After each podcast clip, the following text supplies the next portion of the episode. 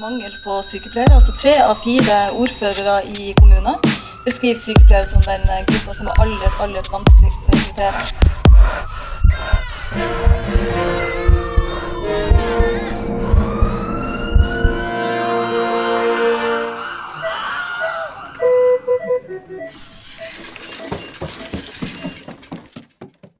Hei og velkommen til aller første episode av Hjelp, jeg er sykepleier. En podkast av meg som er sykepleier. Mitt navn er Helene Dahl Karlsen, og jeg skal intervjue en ny sykepleier hver uke. Kvinnen jeg skal intervjue nå, hun er sykepleier, hun er idéhistoriker, og hun er litteraturkritiker. Velkommen hit, Katrine Krøger. Takk for det. Du er min aller første gjest. Ja, du er modig, men jeg er jo egentlig greiere i virkeligheten enn jeg skriver, tror jeg. Det gjenstår å se.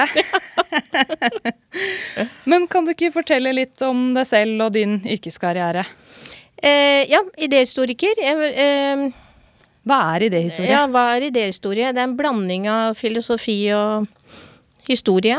Eh, egentlig sånn man tar hvis man bare har lyst til å hygge seg på studier og ikke tenker eh, hva man skal bli og at man skal tjene noen penger. Det er så eh, litt, Det er ingen som søker etter idéhistorikere, så det er litt tilfeldig. Men jeg ble kritiker etter at jeg var ferdig, begynnelsen av 90-tallet. Mm, og skribent. Jobbet i Klassekampen først, og så Dagbladet. Skrevet mye kronikker og ment mye. Jeg jobbet egentlig som frilanser. eh, Den biten Altså, det å være kritiker er også frilanser, selv om jeg er knyttet til Dagbladet. Så det er en sånn eh, Jeg skal jo ikke si noe om sykepleierlønnen, men det er langt Og det å komme fra kulturlivet, da syns man eh, helsevesenet har godt betalt. Det kan jeg si. Ok, så du tjener mer som sykepleier enn som litteratur? Å ja, snill deg. Ja, Ja, ja. ja, men det er jo fint å vite. Ja da. Mm. Så hvorfor valgte du å bli sykepleier etter 30 år i yrket som litteraturkritiker?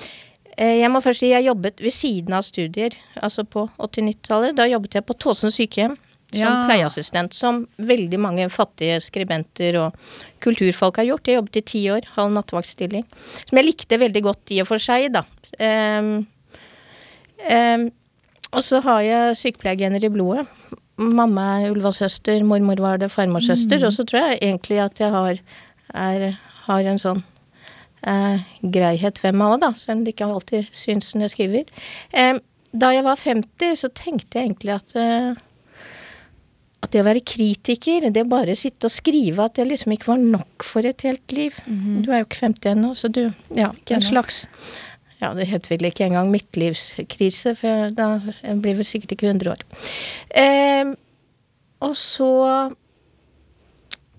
har jeg alltid tenkt at jeg har hatt lyst til å bli sykepleier. Egentlig angret jeg for at jeg ikke tok det først, og det står etterpå, for da kunne jeg hatt det i bakhånd hele tiden. I hvert fall litt tilfeldig, uten å si noe, så slang jeg inn en søknad på sykepleien, og så kom jeg inn, og så begynte jeg på høyskolen, egentlig mest fordi jeg visste at det var der Jeg jobbet jo fullt ved siden av, så jeg visste at det var der man kunne slippe unna med mest, for jeg hørte at det var den slappeste utdannelsen, hvor det var så mange studenter at man liksom At det er ikke så god oppfølging, og det var jo fint. Mm. Mm. Og når du begynte på Høgskolen i Oslo og Akershus, som det het da, HiOA, det tok ikke lang tid før artiklene dine begynte å komme om skolen og skolens pensum. Nei. Eh, det rare var at da jeg begynte, så sa jeg til venninne at jeg skal sitte i tre år helt taus, ikke si et pip, og bare være, bli ferdig med utdannelsen og bli sykepleier. Så lo hun sånn rått. Ja, for slik ble det da ikke. For i 2016 så kom du jo med artikkelen som heter eh, 'Flere mastere. Skrekk og gru'. Hva mener du med det? Eller hva mente du med det? Eh, det var egentlig en artikkel, eh, altså en sånn artikkelserie i Aftenposten som avslørte at eh, sykepleierstudentene, når de var ferdig, så var de veldig dårlig forberedt i praksis. Ikke kunne sette en sprøyte. Eh, det var en sånn medstudent som tidligere hadde sagt at det var helt sånn egentlig skandaløs, den utdannelsen, fordi vi både hadde veldig lite sånn praktisk Altså sånn klinisk erfaring og anatomi. Alle medisinske fag var veldig dårlige. Og min erfaring når jeg begynte, var jo at det var en sånn Etter et halvt år var et veldig underlig studio, hvor det første, studiet, det første vi begynte med var å søke etter forskningsartikler og måtte lære oss å skrive og sånn.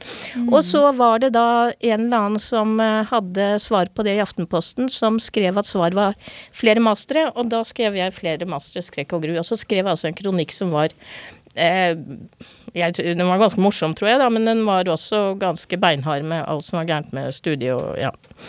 Altfor mye etikk og altfor lite Ja, for du har jo også skrevet artikkelen 'Et fag på ville veier', og du beskriver det som et forunderlig møte med et selsomt fag. Hva betyr det? Eh, altså, det, det dreide seg om at eh, Enda mer har jeg skjønt hvor presis kritikken var når jeg begynte på Ullevål. Da. Det dreide seg om Altså For å si det kort, som jeg har tenkt, ikke sant, sykepleien som profesjon. Eh, på 60, ja, frem til 60- og 70-tallet så var jo sykepleiere bare assistenter til legene.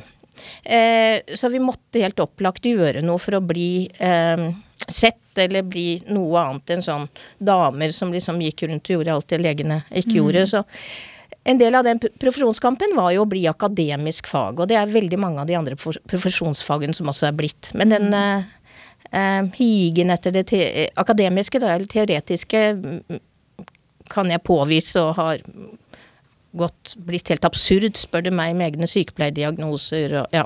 En teori som liksom er helt fjernere og fjernere fra praksis. Eller klinikken, egentlig, da. Mm. For det jeg skjønte på deg, er at eh, det ble mye fokus på sykepleierteoretikere. At det ble et veldig sånn jålete og tåkete språk. Og lærere som henviser til egne kilder framfor primærkildene. Ja, ja, altså alle Jeg vet ikke hvem som hører på denne podkasten, men jeg håper jo det er studenter også. Og, og det jeg tenkte Altså, jeg var jo 50 og egentlig ganske erfaren skribent når jeg skrev det. Og, og, og kunne I og med at jeg var kritiker, så kunne jeg jo lese disse bøkene og tenke er det ingen som passer på pensum her? For det var så utrolig krøkkete. Altså innholdet var så enkelt, og så var det så utrolig komplisert formulert. Og så satt disse langt yngre 19-20-åringer og grublet og grublet og ikke forsto noe. Og så var det ikke egentlig innholdet man ikke forstår, men formuleringene på det, ikke sant. Fordi det er så vanskelig. Så jeg vil jo tro at i hvert fall veldig mange av medstudentene syntes jo det var fantastisk det jeg sa, egentlig. Da, for det var noen som kunne si det som på en måte var på alder med lærerne, eldre enn de, og, og hadde eh, Altså, jeg hadde jo bakgrunn for å si noe om at språket var dårlig, i og med at det var mi, min jobb. Mm. Og du, apropos språk og klarspråk, du var juryleder for Klarspråkprisen i 2016. Jeg var det, og vet du hvorfor? Det var av den kritikken min som ble veldig vellykket.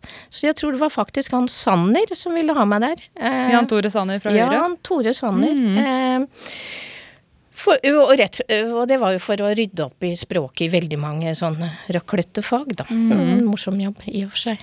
Mm. Men ja, det blei jo en debatt av disse innleggene dine, da. For du kritiserte jo Eide og Eide, kommunikasjon i relasjoner, blant annet. Eh, Du gjorde vel en slags utredning av den boka, skrev en kritikk på den òg? Ja, ja, faktisk så håper jeg at altså, Jeg fikk sjokk, for den brukes fremdeles i 2022. Den er første gang skrevet i 1996. Ja, den har vart noen år. Den er 30 år gammel.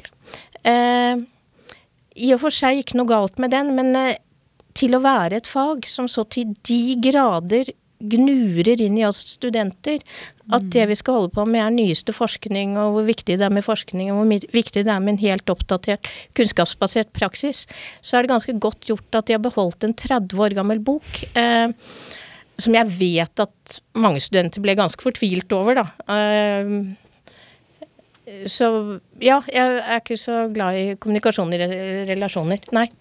Jeg brukte faktisk den boka til min eh, bacheloroppgave, men det var ikke så mange andre bøker om kommunikasjon som jeg blei presentert, så da blei det den. Det er den som finnes, eh, så det er jo for så vidt ikke noe kritikk av de som har skrevet den. Jeg tror det er et ektepar, Eide og Eide, og så sønnen som også heter Eide. Så det er Eide og Eide og Eide som ja, han illustrerer på en eller annen måte. Har du noen gang snakket med noen av disse Eide-personene? Nei, men de ble ikke så blide på meg når jeg kom med den kritikken, da. Eh, men eh, Nei, jeg har ikke snakket med de. Men jeg hadde ikke vært noe redd for å snakke med de. De er sikkert greie, de. Det er For greie, noen har jo kritisert deg for å ha mobbet lærere og kolleger. Mener du selv at det er mobbing? Nei, det, Nei. det mener jeg ikke. Og, og jeg må jo bare si én ting. Eh, takhøyden Altså, jeg var en gammel student, så jeg var ikke redd for disse lærerne. Eh, heller ikke eh, for så vidt mange av de som skrev mot meg når jeg skrev den kronikken. Men den arrogansen eh, de hadde eh, Det jeg fikk beskjed om både muntlig og skriftlig, var jo at jeg bare var student, så jeg hadde egentlig ikke noe posisjon til å si noe ikke som noe helst. Eh, Jeg hadde ikke erfaring til å si noe som helst. Altså, det er en sånn eh, maktarroganse eh, i sykepleiermiljøet som faktisk er eh, ikke sammenlignbart, men noe jeg har vært borti. Eh, Guden vet hva Ja, nei, det mener jeg. Og nå har jeg jo, er jo inne i en ny debatt som vi kommer tilbake til, men det er eh, ikke noe bedre. Så de mente at du hadde ikke noe du skulle si, men det hadde du. La oss høre et lite opptak fra debatten mellom deg og instituttleder Unni Hembre. For da snakker dere om at det er altfor mye teori og for lite praksis. Ja, nå holder jeg meg for ørene. Jeg klarer ikke min egen stemme. Jeg må bare Så må man sørge for også sjøl at man får praktisert nok. Vi har øvingsrom stående på skolen hvor studentene får bruke. Men det er jo i gummidingser med sprøyter. Altså fordi man har litt nå. med Det får studentene bruke. Det jeg er litt forundra over, og som vi må se på nå, hvorfor brukes de lite? Så har vi simuleringsenheter som er de beste som er å få. Og studentene som har brukt dem, sier at det er den beste måten å lære på. Det er en fantastisk eh, mulighet og en fantastisk evne. Og jeg vet ikke om du har vært der ennå, men det er i hvert fall noe- Ja, ja. Ja, det er i hvert fall et sted hvor man må bruke mer for å få trent eh, Men- mye. Men nå må du høre. Altså, eh, jeg snakker altså, jeg, jeg, ja, ja, Men altså, jeg har gått åtte måneder. Eh, jeg har aldri Jeg har debattert i 25 år. Jeg er sikkert et mareritt for dere å få. Fordi at jeg, men jeg har aldri noensinne etter en kronikk fått så mange mail fra frustrerte sykepleiere som sier at, at utdannelsen vår er i ferd med å ødelegges. Fra HiAO-studenter som sier endelig er det noen som sier noe. Vi Ja, Det der er ren tortur. Du er ikke så glad i å høre din egen Nei, stemme? nei, bare det å høre min egen stemme, og så går jeg så opp ned. Så, ja, så jeg aner ikke hva jeg har sagt, men eh, ja. Mm. Fryktelig.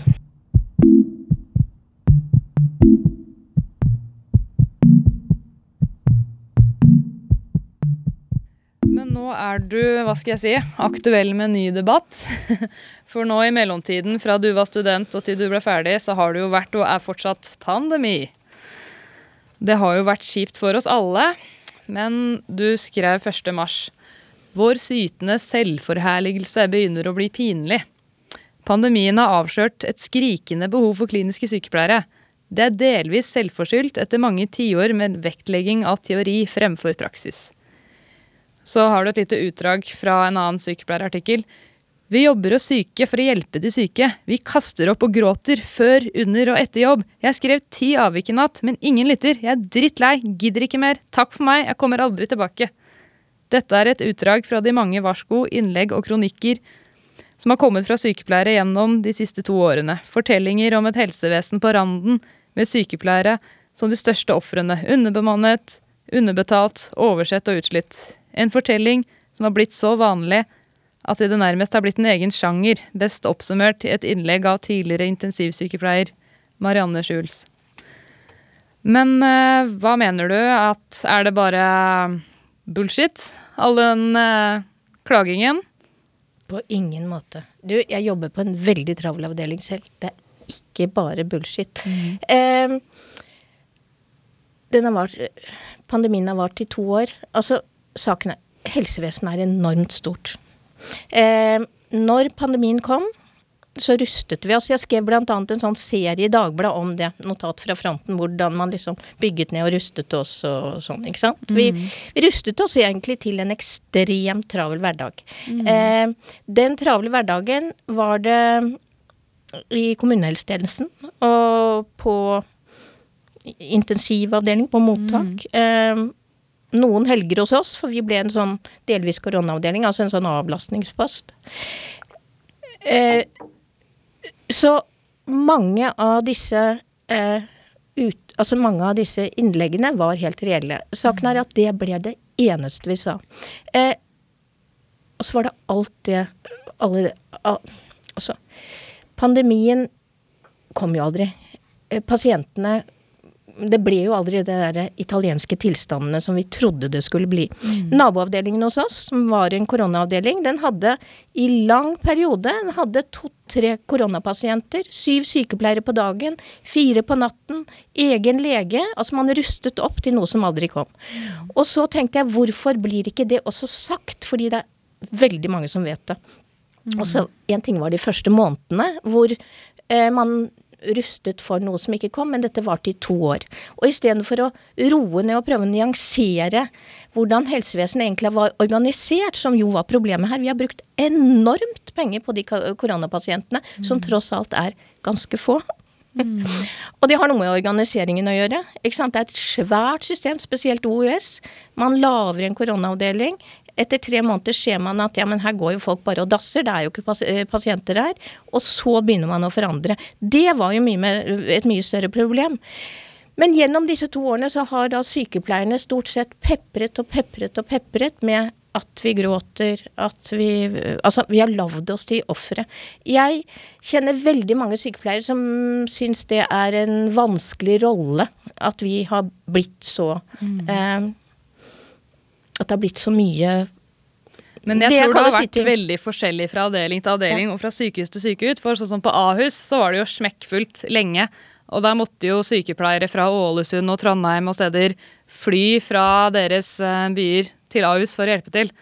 Så der tror jeg ikke de satt ja, men på ræva. Jeg, jeg, sier jo ikke at det ikke er mm. reelt, jeg bare sier at det er noen nyanser som måtte komme. Og etter to år hvor den eneste fortelling nesten daglig i nyhetene mm. med hun fantastiske general Lill vi har, da, som jobber for så vidt for oss, mm. så har det vært eh, denne disse jeg-fortellingene. Mm. Eh, og så tenkte jeg, etter to år, da fikk vi faktisk i Dagbladet, så fikk, ble vi sånn Årets navn. Årets ja, det ble vi. I og da 2021. skrev jeg faktisk, for jeg syntes det var pinlig. For det første var det bare sykepleiere veldig mye. Fordi mm. Sykepleierforbundet var flinke, men det ble veldig fokus på sykepleierne. Og jeg kan jo ikke være den eneste sykepleierne som har hørt av folk rundt at nå må sykepleierne dempe seg litt. For det første så hadde vi Vi var ganske heldige, vi hadde faste jobber. Mange har tjent veldig godt under pandemien. Jobbet mm. mye, men tjent veldig godt. Eh, hva med hjelpepleierne? Som stort sett er de som jobber eh, i kommunehelsetjenesten, som har hatt det beintøft.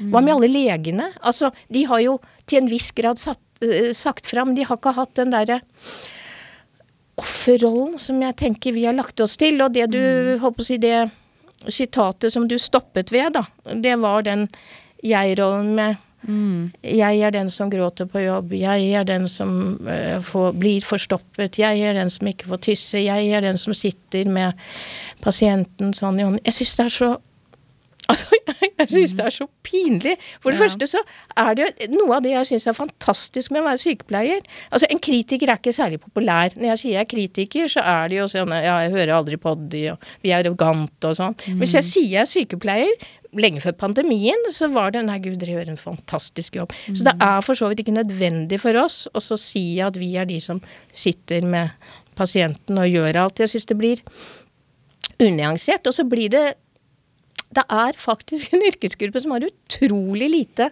selvkritikk. Mm. Eh, fordi vi hamrer nå løs på ledelse. Vi hamrer løs på alt annet enn oss selv, ikke sant. Altså at vi mm. er ofre. Blant annet at ikke sant? Det har jo kommet frem at tross alt så er det øh, Og det er tall, da. Altså tross alt så er det flere, dobbelt så mange sykepleiere per, øh, per pasient i Norge enn f.eks. i Sverige. Vi har veldig høy sykepleierdekning.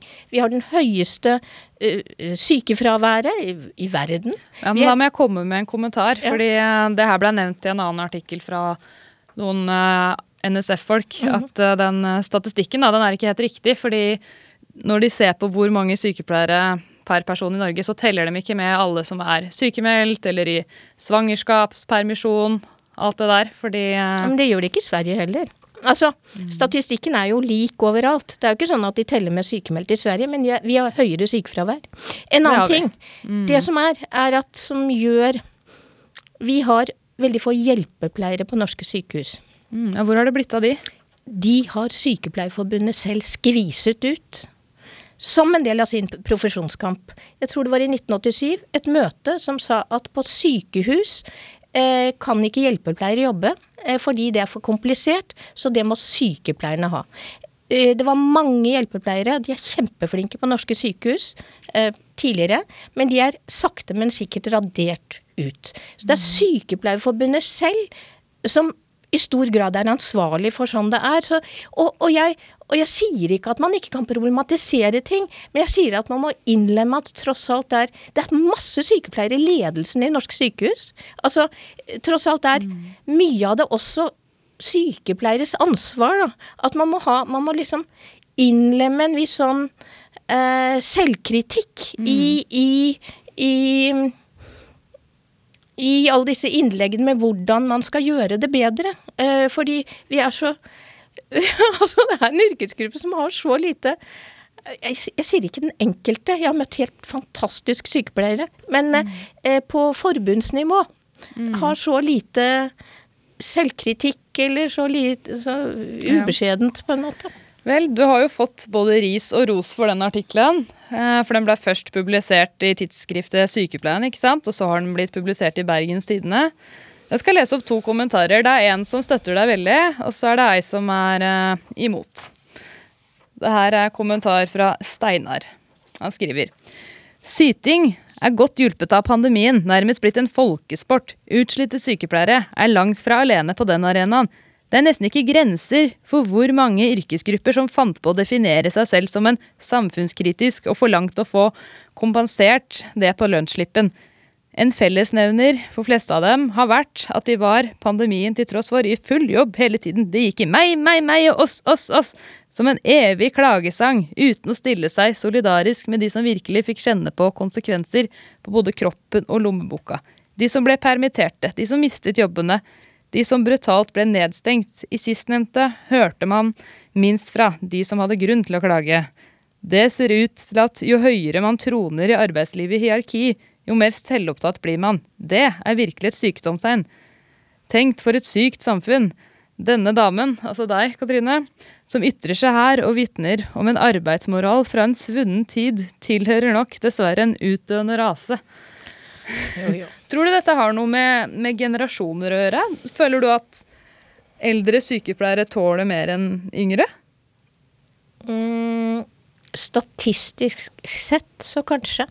Eller det som jeg tenker på, er ikke egentlig at eh, yngre sykepleiere er dårlige, men de Det er jo en av de tingene jeg skriver om, fordi det er jo så paradoksalt for noe av det vi eh, I alle det jeg kaller Jeg tør ikke si sytingen. I alle, alle hva skal man kalle det, klagene, i all fortvilelsen, da, mm. så jeg ikke blir så skjelt ut for å si syting, så ligger det også hele tiden at det er umulig nesten å jobbe som klinisk sykepleier. Vi har dårlig lønn, vi har dårlige forhold, vi får ikke tisset, vi blir forstoppet. Altså den derre elendighetsnarrativet eller fortellingen, tenker jeg, mm. det gjør jo at unge sykepleiere tenker det er sånn det er når de kommer ut. Mm. Enten vil de ikke begynne, eller så når de begynner, så har de en innstilling om at uh, travle vakter skal det ikke være. Jeg tenker på et på et sykehus vil det alltid være fryktelig mye å gjøre i perioder, og så vil det mm. være mye mindre å gjøre i andre perioder. Hvor man kan sitte, og det er jo en del av sykehusets vesen. Og det må jeg jo selv si fra egen erfaring. Det har jo vært noen vakter hvor vi har sittet og sett på film, mens andre ganger så har jeg faktisk verken fått spist eller tissa.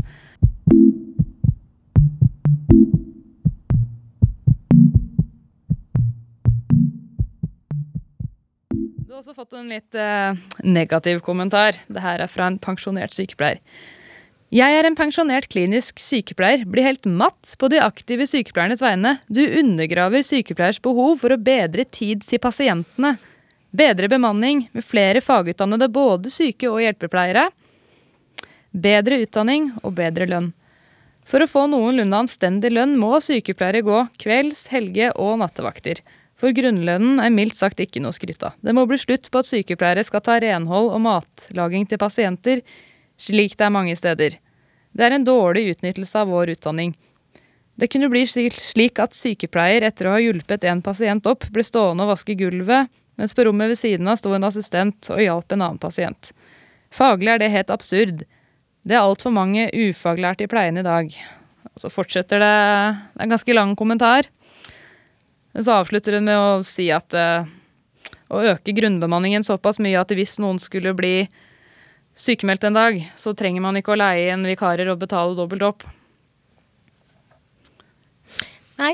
Jeg må jo bare si, jeg tror vi, norsk helsevesen bruker mer penger også enn sam, sa, til sammenligning noe annet verdi, land i verden. Så det er jo noe galt med organiseringen. For det er for så vidt ikke noe galt med penga.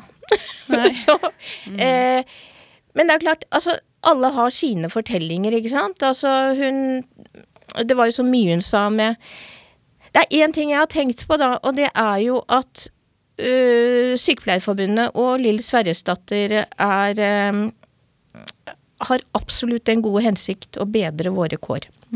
Eh, noe av det jeg har tenkt etter to år, etter pandemien, hvor sykepleierne har vært beinhard i å si vi må få det bedre, er at dette ensidige elendighetsnarrativet, som jeg kaller det, altså Ja. dette ensidige ikke det, Jeg tror ikke det lønner seg for at vi skal få bedre kår. For jeg tror jo den såkalte ledelsen, da, hvem som er der, de kan jo regne. De kan jo også se at under pandemien, ja, det har vært travelt der, men der har det jo overhodet ikke vært travelt. Der har det vært syv sykepleiere på dagvakt, én pasient. Altså, de, de kan jo også regne, og de, de, jo, de har jo oversikt over bemanning eh, sammenli- i forhold til pasienter. Så, det, så det, det der å ikke tørre å innlemme nyansene fra vår side, eh, jeg tror ikke det lønner seg. Eh, for jeg tror ikke vi blir ikke troverdige til slutt. Og så tror jeg offentligheten er ganske lei av oss. Uff. Ja, det er jo også det jeg har tenkt, at hvis vi bare forteller om de negative sidene, så er jeg redd for at vi skremmer vekk potensielle nye sykepleiere til yrket vårt. Og det er litt det jeg har lyst til i den podkasten her. Jeg vil også snakke om alt det positive yrket. Men en ting jeg syns er så rart, Katrine, det er at vi blir hele tiden testa med sånn Nå er det kartlegging av sepsis, skrivende hvor raske dere er til å oppdage det og det, og hvor raske man er til å begynne med antibiotika. Men jeg har aldri i min fem år lange sykepleierkarriere vært borti at de prøver å kartlegge hvordan vi egentlig har det på jobb. Fordi det er jo ganske tydelig at det er forskjellig fra avdeling til avdeling og sykehus til sykehus hvor travelt det er og hvordan man har det. Men jeg har aldri vært med på noen undersøkelse hvor vi som ansatte skal fortelle åssen vi har det på jobben. Om hva vi selv syns. Er vi godt bemanna? Er vi dårlig bemanna? Jeg syns det er litt rart at det ikke er noen sånn nasjonale kartlegginger hvert år for å faktisk måle det her. Syns ikke du? Ja, jeg har svart på en sånn for OUS, eh, husker jeg, da. Ja. Eh, Eller kanskje var det NSF? Ja, kanskje ikke OUS. Ja. Eh, ja. Eh, jeg, jeg tenker Altså, nå høres jeg ut som en gammel kjerring, men jeg tenker jo at at noe av problemet for oss sykepleiere er jo at disse jeg-fortellingene gjør at vi blir mer og mer opptatt av oss selv. Eh, Det er pasienten vi er til for. Og nå høres jeg jo forferdelig gammel ut. Fordi jeg tror eh, for noen generasjoner tilbake så tror jeg disse jeg-fortellingene ville vært helt hinsides for mange sykepleiere. Men jeg er helt enig i at vi som alle andre må ha gode vilkår. Men jeg, jeg tenker jo at det kommer frem Nei, det gjør kanskje ikke det. Jo. Jeg bare tenker at Hvis det ikke blir kartlagt, at man får det ned på papir, at det ikke blir målt på noen måte, Mm. så får man jo heller ikke gjort noe med det. Hvis det bare er artikler 'sånn har jeg det, sånn har jeg det'. Det bør jo kartlegges og lage statistikk på det. Hvor er det ille, hvor er det ikke ille? Det tror jeg Det har jeg følelsen at de jobber en del med, men det, dette vet jeg ikke. Men de driver jo med avvik, den der avvikskulturen vi har begynt med, da. For jeg tror på min avdeling så tror jeg det skrives avvik nesten hver eneste vakt. Ja. Og der har man liksom fått beskjed om å skrive avvik for absolutt alt, for å si hvor ille det er. Eh, det er tidkrevende. Jeg vet heller ikke hvor mye, hvor effektivt det er, fordi det blir så massivt. Eh, og det blir litt rubbel og bit, lite og stort, at man kanskje skal samle det mer og være mer effektive når man skal konkretisere hva som er galt, istedenfor å bare pepre løs. Um, tror jeg. Ikke, jeg tror rett og slett ikke det er den Men mest hva tror du skal til da for at sykepleiere kan bli mer fornøyde? Ja, men er sykepleiere så misfornøyde? Altså, sånn alle, alle, alle. Jeg, um, ja, altså jeg, det- ehm, Mye er galt i norsk eh, helsevesen, tror jeg. jeg tror, eh, for det første tror jeg de der, selvfølgelig den der modellen med å spare inn og ja, at eh, få får eh, full stilling um, lønn, helt sikkert. Altså, jeg tenker jo vi, vi tjener jo ganske godt av alle disse tilleggene våre, men grunnlønnen er kanskje Og de tilleggene får jo mens man jobber ubekvemme tider, da. Som det heter. Kveld, natt, helger, ferier. Men det har jeg alltid tenkt. Det har jeg alltid tenkt også, men nå høres jeg jo enda mer kjerringaktig ut. Men jeg tenker jo Altså Når du jobber sykepleier, så må man jo skjønne at en pasient er på et sykehus døgnet rundt. Altså Mm. Når du tar den utdannelsen, så må du rett og slett være innstilt på å jobbe kveld, natt, julaften, nyttår. Det er mange fordeler. Altså Jeg vokste opp med en sykepleiermor. Hun Mm. var eh, borte av og til julaften. Vi var så vant til det. Men så hadde hun også fri andre ganger. ikke sant? Litt sånn lang fri og kunne sjonglere. Og plutselig var hun hjemme når vi skulle øh, på, si, på en hverdag. Men men det å ta en sykepleierutdannelse og så etterpå begynne å si at det er urettferdig at vi må jobbe på kvelden og hvem skal, hvem skal, jobbe, hvem skal være der da, da? Kan man jo jobbe på en poliklinikk, da. Det er, det er jo mange Ja, dagvaktstillinger òg. Hvis man ikke av helsemessige årsaker f.eks. Ja. kan jobbe netter. Ja. Ok, Men du jobber på gastromedisin nå? På Ullevål? Ja. Er du fast ansatt, eller er du vikar? Ja, altså jeg er helt eh, jeg, jeg jobber jo fullt som kritiker fremdeles, men jeg er veldig glad i den avdelingen, så jeg har en fast um, det blir 28 stilling, altså hver tredje helg, tre netter. Jeg er glad i nettene. Og så jobber jeg vel tilsvarende ekstra eh, halv stilling, så det blir halv stilling. Mm. Det er en ehm, Jeg begynte der fordi jeg var i praksis der, og jeg må si de to månedene jeg var i praksis på gastromedisin, lærte jeg mer hånden på hjertet enn i løpet av tre år. Og det er Ja. ikke bare jeg som sier. For det er så veldig mange forskjellige pasienter. Det er ganske mange gamle som er ganske kompliserte. Det er blødning, det er all verdens. Ja, fortell Hva slags pasientgruppe møter man på gastromedisin? Eh, kreftutredning, som er ganske heavy. Og da er det kreft i mage-tarmsystemet. ikke sant? For de som ikke vet hva gastro er Ja, ennå. ja, ja. Mm. Gastro, det er magetarm. Lever. Lever. Mm. Eh, Fordøyelsesorganene, med ja. andre ord. Mm. Bukspytt og ja, mye av det. Mm, ganske Det kan jo være pasienter som kommer inn og tror de bare feiler noe veldig bagatellmessig, og så får de beskjed om f.eks. veldig alvorlig kreftform. Så det er av de, av de pasientene jeg tenker er eh, eh, ja, gjør inntrykk å jobbe med. Og så har vi mye tarm, ulcerøs kolitt, alle, alle, disse tarmsykdommene. Og så har vi veldig, veldig mange gamle. Vi holder til i det nyeste bygget på Ullevål, så vi har mange enerom. Eh, så vi får mange mm, urolige, demente pasienter. Og de, de ligger meg jo på hjertet, for at de, de, de blir det jo flere og flere av. Og de er jo på en måte eh, litt marerittspasienter. De er demente, de er inkontinente, de feiler alt mulig, egentlig. Veldig mange av de. Når du er veldig gammel, så feiler du veldig mye. Eh, så det er pleiepasienter, det er eh, bleier og vask og ja. Men de er jo ikke der primært fordi de er gamle og demente. De er der fordi de har en eller annen sykdom i Nei, vet du hva, det er jo det som er spesielt. De kommer, og det er jo noe av den eldrebølgen som liksom er um, i ferd med å forandre Altså, som man frykter. De kommer jo veldig inn, eh, ofte inn pga. funksjonssvikt. Mm, jeg trodde de kom på geriatrisk avdeling, jeg. Nei da, men da de kommer eh, Så er geriatri full, og så de kommer på de medisinske avdelingene på Ullevål. Og så blir de litt fordelt, da, fordi mange av de er ganske tunge. Og så må man jo huske, så tenker jeg, gamle, hvem er det? Jo, det er oss selv om noen år. Så man, det er jo mennesker Jeg er veldig glad i å jobbe med gamle, jeg, men det er jo klart det er tungpasienter og mye stell og ja. Mm. Men det er da gastromedisinsk, for det er jo også gastrokirurgisk avdeling. Så de som kommer til deg, de trenger da ikke kirurgi? De trenger ikke kirurgi. Nei. Og det er jo, og det, er, og det har jeg tenkt på også med det, forskjellen på medisinsk og kirurgisk avdeling. Det å være sykepleier på kirurgisk avdeling, det tror jeg er mye mer at du legger til rette. Altså det er komplisert nok, det. Du legger til rette for operasjon, og det er leger som gjør.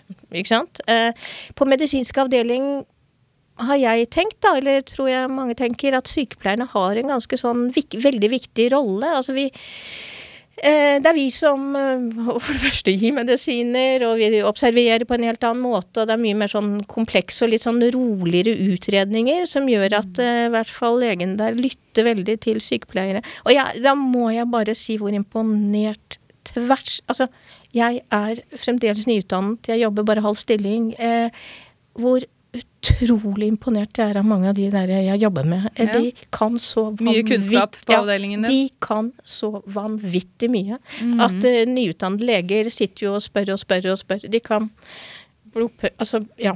Mm. De- Vil du si det er en fin avdeling å starte på som nyutdanna, ja, hvis man trenger ja, å lære mye? Ja. ja, Ja. Begynn, begynn der. Så um, hva er typiske sykepleieroppgaver da på gastromedisin? Ja, det er mye, veldig mye å gi medisiner, legge sonder øh, øh, Ja, nå kommer jeg ikke på alt. Altså, det er alt for å Alt fra å stelle, det er øh, stomier, det er målinger, øh, mye målinger, og så er det jo Vi har jo Det er jo litt forandret nå fra siden også fordi det er mange eldre pasienter som kommer inn egentlig ofte fra sykehjem. Egentlig burde de kanskje ikke komme inn fra sykehjem, som kommer for å dø. Alvorlige syke pasienter. Så det er jo ofte sånn å se etter sepsis. Altså mange av de burde egentlig vært på intensiven, men det er de jo ikke. Eh, Hender det at folk avslutter livet der? Å ja, ja, ja. Ja. ja, ja. Mm. ja, ja. Så det er noe man må være forberedt på da, som nyutdanna sykepleier, at man kan møte ja. pasienter i siste del av livet. ja. Mm. Ja. Så hvem passer til å jobbe på gastromedisin, og hvem passer ikke til å jobbe der? Jeg tenker at enhver som vil eh, jobbe på klinisk på et sykehus, um, og har lyst til å lære mye om både prosedyrer og sånn, passer til. Du må, du må også Du må vaske mye Dritt. avføring. Dritt! Det er en drittjobb! Det er gastro, ikke sant. Det er jo folk det, Ting renner overalt, og det er Så du må ikke være, du må ikke være pysete. Må ikke være eller- fisefin. Må ikke være fisefin. Det må du Det var som en tidligere leder av meg sa, it's a shitty job, but someone gotta do it. Ja, ja, ja, det er det jeg tenker. Men det er faktisk det jeg tenker med hele den debatten. jeg. For det at hvem skal gjøre skittjobben hvis vi klager så mye at vi til slutt ikke Ja, hvis eh, vi lager generasjoner med sykepleiere som læres opp til å si at dette skal vi ikke. Nei, nei, såpass må man tåle. Det, det mener jeg òg. Det er også en møkkajobb. Ja, det kommer man ikke helt utenom. Ok, jeg har noen spørsmål til deg fra Instagram-følgerne mine. Så tenkte jeg vi skulle livestreame. Ja, vi ser.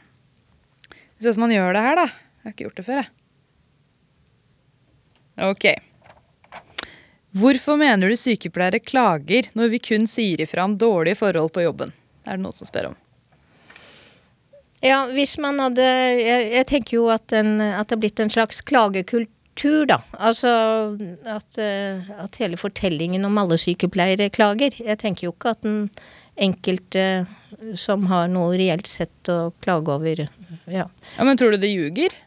Når de sier at de har det dårlig på jobben? Nei, men det er jo Jeg bare sier at hele eh, Det virker som 110 000 sykepleiere krabber rundt og er forstoppet. Og sånn er ikke fortellingen, men veldig mange av de som Jeg jobber jo i Dagbladet selv. De som klager, får overskriftene. Er- sånn er det. Så det blir for uh, ensidig, den fortellingen. Men det er lov å klage hvis man Men tror du det handler mest om at alle vil ha sine five minutes of fame, eller tror du man prøver å gjøre en endring, at de håper på at det skal komme noe godt ut av det til slutt? Å ja, snille deg. Jeg tror ikke de gjør det for å, for å komme på forsiden av Dagbladet eller VG eller hva det måtte være. Nei, det Nei. tror jeg ikke. Nei, okay. nei, nei. nei. Altså, Det er ikke sånn at jeg sier at man ikke kan klage, men to år med daglig har vært litt mye. Det kan jeg være enig i. Det må være lov å diskutere det. Ja. Ok, neste spørsmål. Har du noen tips for å holde ut i yrket? Å ja, det er jo bare å holde ut i yrket. Ja, ja, ja. Det er, Det er mange som har spurt om det, faktisk. ja, ja, ja, ja. Altså, jeg kan ikke si det. Jeg har ikke jobbet 100% sykepleier på et sykehus i mange år, så jeg er egentlig helt uegnet til For du har vært sykepleier siden 2018. Ja, ja og år, jeg jobber halv stilling, og jeg jobber med noe annet ved siden av. Så, så der må man spørre drevne sykepleiere. Rett Mm. og slett. Kanskje det er et tips, da? Jobbe halv stilling og gjøre noe annet på siden? Ja da, men man trenger jo også Det er jo ikke alle som har en annen jobb og utdannelse ved siden Tipset der var spør noen andre. ok, nå kommer det litt lignende spørsmål. Hvilke tips har du for nyutdannede sykepleiere? Begynn på en medisinsk avdeling i gamle dager, da mamma gikk der, da de var Ullevål-søstre. Eh, Da, var det- da måtte alle nyutdannede elever, som det het den gang, jobbe ett år på det var turnusen, ett år på medisinske avdelinger. Ja, det Der- var et krav. Det var kravet. Mm, Der lærer du aller mest. ikke sant. Så er det litt annet spørsmål. Synes du ordet sykepleier er en dekkende tittel for den omfattende fagut fagutøvelsen? Det syns jeg var et veldig godt spørsmål. Um, jeg så det jo på forhånd, så jeg tenkte litt over det. Ja Altså, jeg kan ikke skjønne hvilken annen tittel man skulle ha. Vi pleier jo syke i Mm. utgangspunktet. Eh, og man gjør fryktelig mye annet også, da. Men eh, Men når man hører ordet sykepleier, da ser jeg liksom for meg en litt sånn dame med en lykt i kjole og hatt. For det er så gammelt ord, på en måte.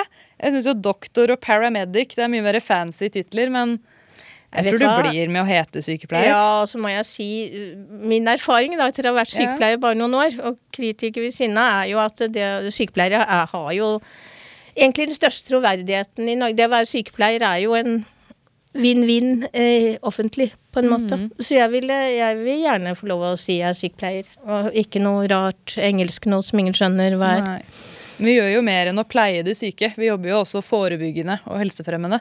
Men det tror jeg kan bli en veldig lang tittel hvis man skal få med alt det. Ja, og så blir det det verste. Da blir det sånn, et sånt eh, meningsløst Det blir ofte lange titler, det er det nye språket, og så blir det forkortelser. Så blir det en sånn ADHD Altså, da blir det jo sånne Hvis du har lagt merke til at man får lengre og lengre titler som skal være mer og mer dekkende, og for ikke å si de lange, så får man sånne rare forkortelser som egentlig er helt meningsløse. Ikke sant? Så vi holder med sykepleier for min del. Ja. Så er det spørsmål fra meg. Om du kunne skru tiden tilbake, ville du da valgt annerledes karrieremessig? Eh, nei, altså, av og til har jeg tenkt som sagt at jeg kunne tatt sykepleien først, og så idéhistorie, så jeg kunne ha jobbet ved siden av som sykepleier liksom hele tiden. Men nei, jeg er veldig Jeg er veldig glad i å være kritiker, og jeg er veldig glad i å være sykepleier. Mm. Jeg skulle ønske jeg ble det litt før. Det må jeg si. Dette Men du er siste. fornøyd med valget? Jeg er strålende fornøyd med valget. Så bra. Nei, men Katrine, takk bra? for at du kom. Ja, ja. Du skal takk få- for at jeg skal fikk få en ting av meg. Stakkar, du. Jeg trenger jo ikke ha noe. Takk for at du hørte på Hjelp, jeg er sykepleier. Jeg blir veldig glad hvis du anbefaler podkasten min til en venn eller kollega, eller andre du kjenner som har interesse for sykepleierfaget. Hvis du vil gi meg tips eller tilbakemeldinger på podkasten, så kan du enkelt sende meg en DM på Instagram. Der heter jeg trainee-sykepleier og svarer alle så fort jeg kan. Takk til Kubrix som stiller opp med studio og utstyr, og takk til Philip Østli for klipp og musikk.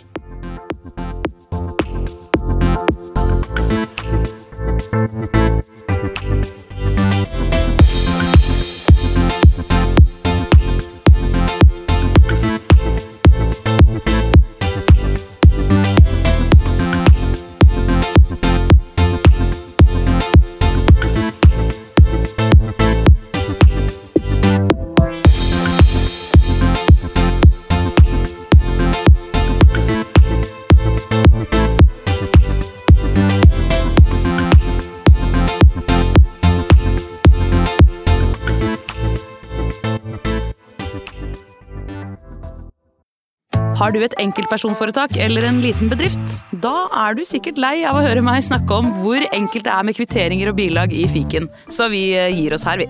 Fordi vi liker enkelt. Fiken superenkelt regnskap.